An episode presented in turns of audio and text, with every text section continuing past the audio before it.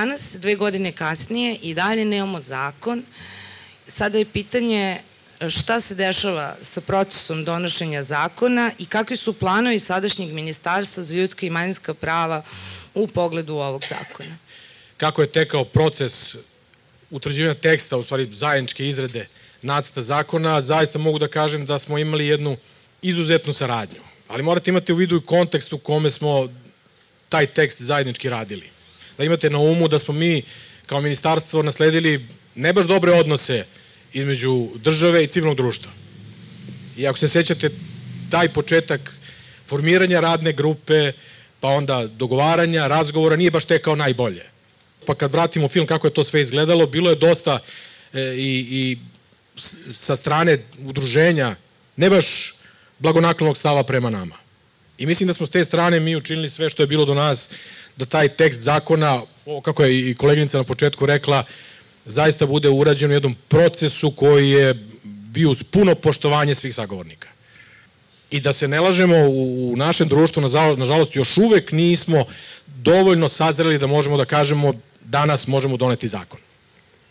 Nije nam cilj niti jedan zakon dobar ako se donosi tako što ćemo ga doneti na silu.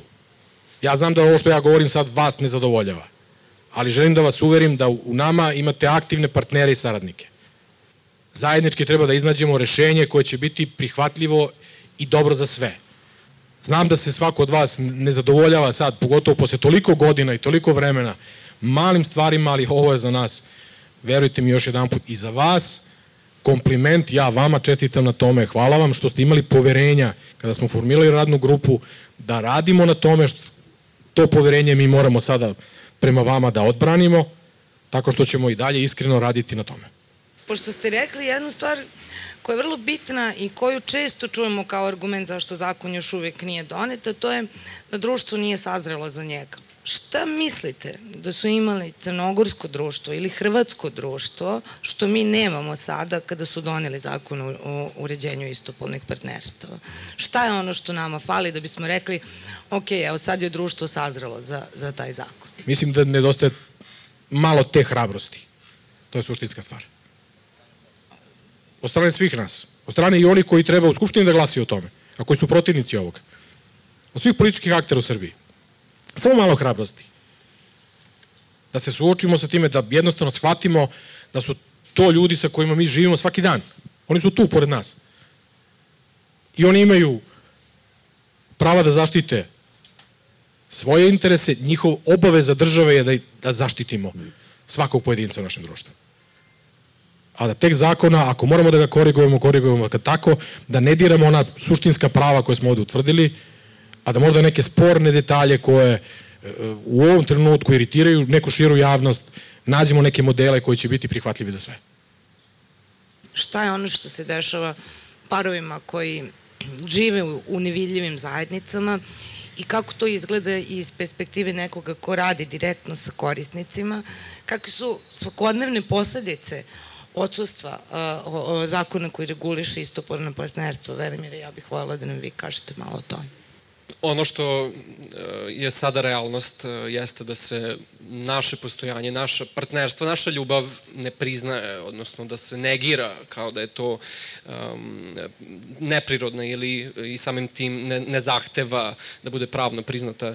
Mi imamo mlade koji razmišljaju o tome da li da odu, da li da ostanu u Srbiji, da li, da li mogu da osnuju svoju porodicu ovde, da li mogu da sa svojim partnerom ili, pa, ili partnerkom osnuju istopolnu zajednicu, da li će u slučaju da im se razboli partner moći da ih posete u bolnici, da li će naslediti njihovu penziju nakon smrti, da li će moći da zajedno dele imovinu. Dakle, to su sva pitanja koja su možda kao nekoj mladoj osobi sa 16-17 godina daleka, ali uvek su tu nekako u pozadini i informiše njihov svako, svaki izbor informiše ih o tome da li će da studiraju nešto što će im doneti posao u Srbiji ili u inostranstvu, da li će učiti jezik pa da se pripreme za inostranstvo. Evo, ja, ja večeras moram da žurim u Novi Sad jer imam prijatelja koji uh, je upoznao momka iz Portugala i oni sad idu u Evropu jer ne vide svoju budućnost u Srbiji. Ne vide ni poslovno, a ne vide svakako ni, ni taj moment da, da stvaraju svoju porodicu ovde jer država im to ne priznaje. I ja smatram da nije naša obaveza da ubeđujemo uh, neistomišljenike da oni treba da nam priznaju naše ljudska prava. Ona su naša. To što ih država ne reguliše, to je problem države. Mi ne možemo da regulišemo, na primer, partnersko nasilje između istopolnih partnera, jer to zvanično nije porodica. Ovaj zakon nam je potreban i za tako nešto. Uh, možda to nije najlepša stvar o kojoj, o kojoj možemo da pričamo, ali to je realnost, mislim, realnost uh, naših života. Nije, nije to sve uh, bajno i sjajno. Ljudska prava nisu nešto što treba da se zasluži. I pričom oko ovog zakona koji se stvara u javnom prostoru, narativom koji se stvara, mi stičemo potpuno suprotan utisak da LGBT zajednica treba da zasluži e, neko svoje pravo. Međutim, pored toga što se ne zaslužuju, već se dobijaju samim tim što ste ljudsko biće koje je rođeno u jednoj državi uređenoj, jel, društvenim ugovorom, Srbija ima i obaveze. Ima obaveze po sobstvenom ustavu koje zabranjuje diskriminaciju. Ima obaveze po Evropskoj konvenciji o za zaštitu ljudskih prava i osnovnih sloboda, po međunarodnom paktu e, za e, građanska i politička prava. Šta zapravo sve ove međunarodne obaveze Srbije znače? Kako je pre, praksa Evropskog suda za ljudska prava i kako to utiče na Srbiju? Ja bih volila da nam kaže Vuk Rejčević iz Beogradskog centra za ljudska prava. Pre svega ovo pitanje regulisanja istopolnih partnerstava ili istopolnih zajednica, kako god da to nazovemo, se često u društvima kako jeste naše društvo predstavlja kao nekakva ne znam, ideja neke grupe entuzijasta koji su se skupili pa sad hoće neka posebna prava, hoće nešto ekstra, hoće nešto što ovaj, možda neki drugi nemaju ili hoće da imaju nekakve posebne privilegije, a zapravo reč je o jednom par excellence pravnom pitanju i to jednom pitanju koje je prošlo jednu ozbiljnu pravnu evoluciju koja se može, najbolje može odgledati kroz praksu Evropskog suda za ljudska prava.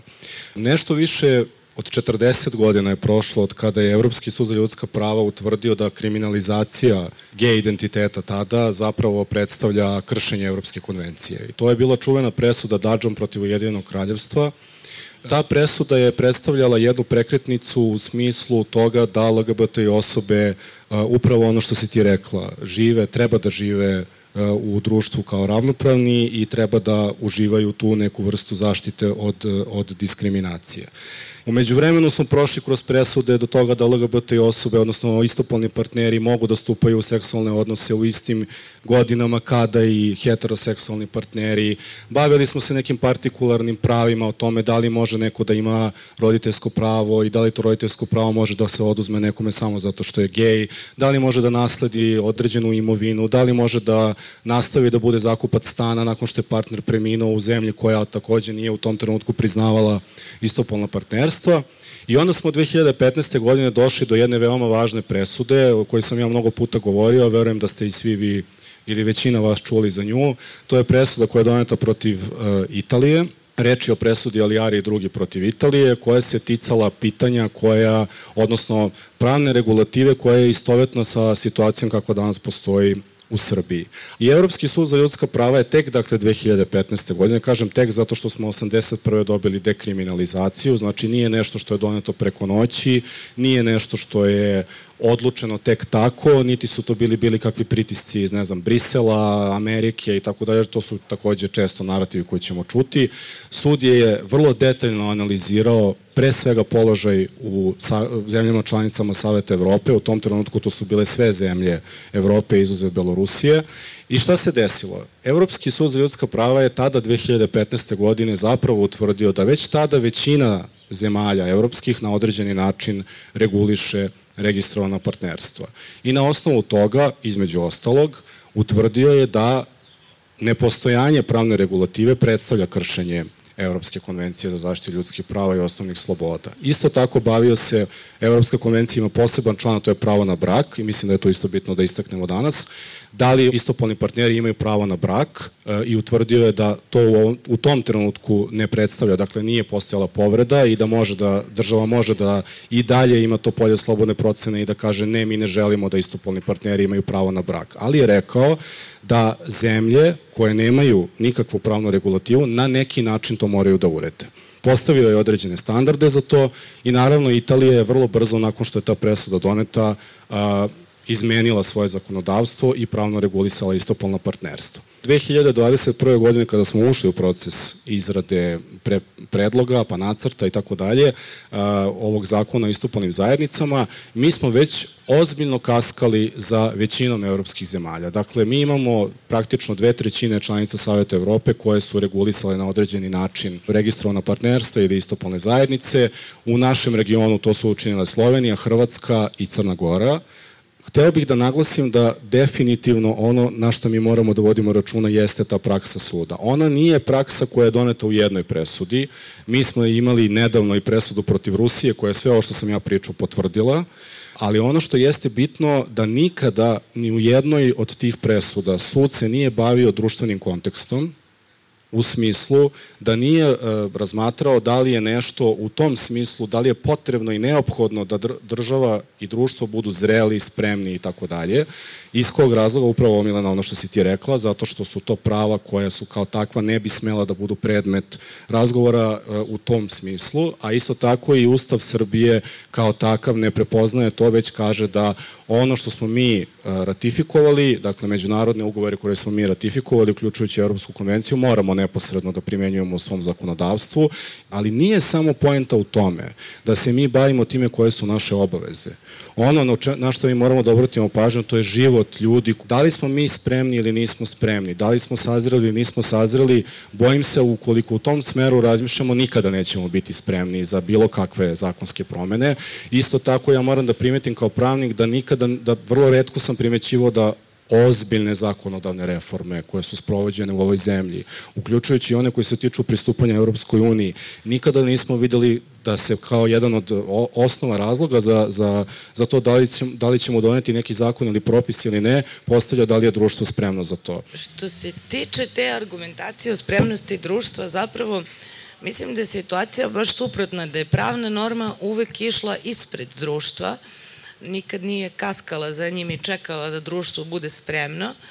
Ove, što smo mogli videti, na primjer, kada ste u naš krivični zakonik uvodilo krivično delo nasilja u porodici, pa je jedan od argumenta bio pa šta će nam to, već imamo i laku telesnu povredu i tešku telesnu povredu, šta će nam sad to da posebno regulišemo nasilje u porodici. Ovo je na neki način slično.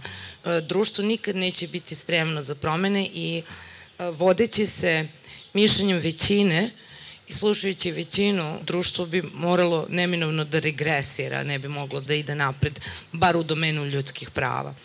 Kako se neko iz zajednice osjeća kad e, čuje predsednika države da vrlo glasno kaže i da to svi mediji prenesu da neće potpisati taj zakon koji još nije ni ušao u proceduru zato što je neustavan. Ja mislim da je to vrlo opasna izjava i opasna igra kojom se igra jer e, mladi su već E, obeskrbrani od učešća u, u javnim procesima, ne uključuju se u javne rasprave i slično. I sve ono zašto smo se borili biva okarakterisano kao neustavno i, i, i ne samo neustavno, već da on prosto neće to da uradi. Plus negira postojanje, naravno, tirva osoba. Um, to igra na ruku cinizma koji je već usađen kod mladih koji ne žele da se uključuju i, i sad im date još jedan dokaz da nema poente da nema poente uopšte vršiti bilo kakav društveni aktivizam u nadi da će se išta poboljšati. Imamo, imamo glavnu osobu koja je zadužena za sve u ovom društvu i ta osoba je odlučila da se naša prava neće priznati. I dobijaju poruku da mi ovde ne treba uopšte ni da postojimo naša prava ne trebaju da budu regulisana, država nas ne želi. I to je nešto što je i od prošle godine sa Europrideom kakav je bio spektakl skandaloznih uh, stvari i izjava samo igra na ruku određenim ekstremnim strujama u našem društvu koji uopšte negiraju postojanje ljudskih prava kao takvih. Igra na ruku određenim elementima koji bi i neka druga prava uskratili i čini mi se da je to nešto što je potpuno destruktivno za, za našu budućnost. Ajde sad da pričamo o tome koliko mladih LGBT ljudi planira da ode iz ove države. Doživiš nasilje par puta na ulici, dobiješ poruku da ti kao tireva osobe ne treba da postojiš, uopšte ne postojiš, brak sa istopolnim partnerom se neće desiti, ti napuštaš ovu državu. ERA kao uh, regionalna mreža uh, na Zapadnom Balkanu i, i u Turskoj mreža LGBT organizacija radi svoja istraživanja kad pričamo o, o zakonu o istopolnim zajednicama, podrška je bila 9%, sada je 24% u Srbiji. To i dalje je vrlo nisko, ali kad pričamo o Crne Gori koja jeste uvela taj zakon, podrška je tamo 36%. Dakle, opet nije čekano na to da se, da, da se većina složi i da, eto, e, većina kaže, e, vi manjine ipak treba da imate vaše prava. Dakle, zakon je i u tom slučaju bio ispred društva, ispred, ispred javnog mnjenja. Takođe, kad se uđe u podatke i kada se zapravo pita prosečan građanin šta misle o određenim pravima koji bi se garantovali uh, zakonom, na primer nasleđivanje imovine i, i odlazak kod lekara i slično, tu je podrška mnogo veća. Dakle, tu i prelazimo apsolutnu većinu, pričamo o procentima od 60 do 80% podrške građana i to ide uh, u prilog tome da zapravo ljudi ni ne znaju šta zakon o istopolnim partnerstvima uh, uh, garantuje. Kako da ja sad kažem jednoj mladoj osobi od 17 godina koja posećuje naš društveni centar, e, vredi, iako smo prošli sve ovo, iako je predsednik rekao to, e, ipak ćemo mi dobiti taj zakon, jer to je naša neka pravna obaveza. Kako? Mislim, ja, recite mi, ako, ako imate neki, neko rešenje, ja, ja stvarno ne znam kako da gledam tu osobu u oči i da, i da kažem sa sigurnošću da će naša prava zapravo biti regulisana. Da li ćemo imati uskoro zakon o istopolnim partnerstvu? Ne želim da vas sada lažem i da kažem biće za godinu ili dve. To je jednostavno svako od nas ovde koji su više uključen u ovaj proces zna da, da to dobrim delom ne zavisi ni od nas kao predlagača. Ali ovo čemu smo sada govorili, ja sam uveren da taj zakon svakako može biti vrlo brzo donet. Koji je to vremenski rok?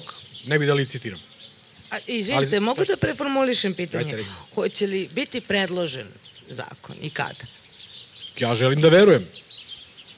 Ne mogu da kažem, ne, ne zavisi taj deo od nas. Pitate me nešto što što je naš deo posla koji je bio, mi smo ga odradili. Ne, pitam vas kao predstavnika ministarstva koji predloži zakon. Svakako da ćemo nastaviti da ovaj zakon u, sa sadržajem ovim ili nekim koji ćemo modifikovati bude što predonet.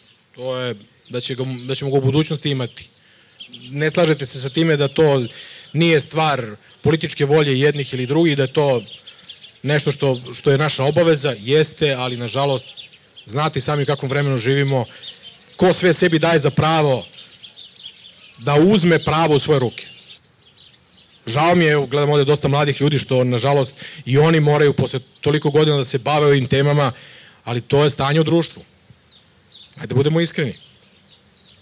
Predsednik je pre koliko nelju dana rekao šta je rekao i da on nikada to neće potpisati Mislim, taj zakon mora i da bude izglasan u Skupštini nekada. Ja, ja ne mogu da zamislim da naša Skupština izglasa nešto što predsednik s čim se predsednik ne slaže. Mislim, to se nikad nije desilo u poslednjih 10 godina, makar da jedan poslanik nešto drugačije izglasa nego što misli predsednik.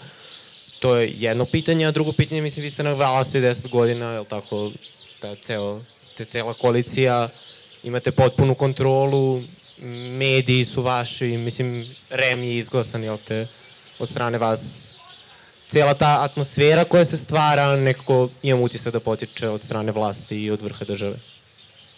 Sve razumem.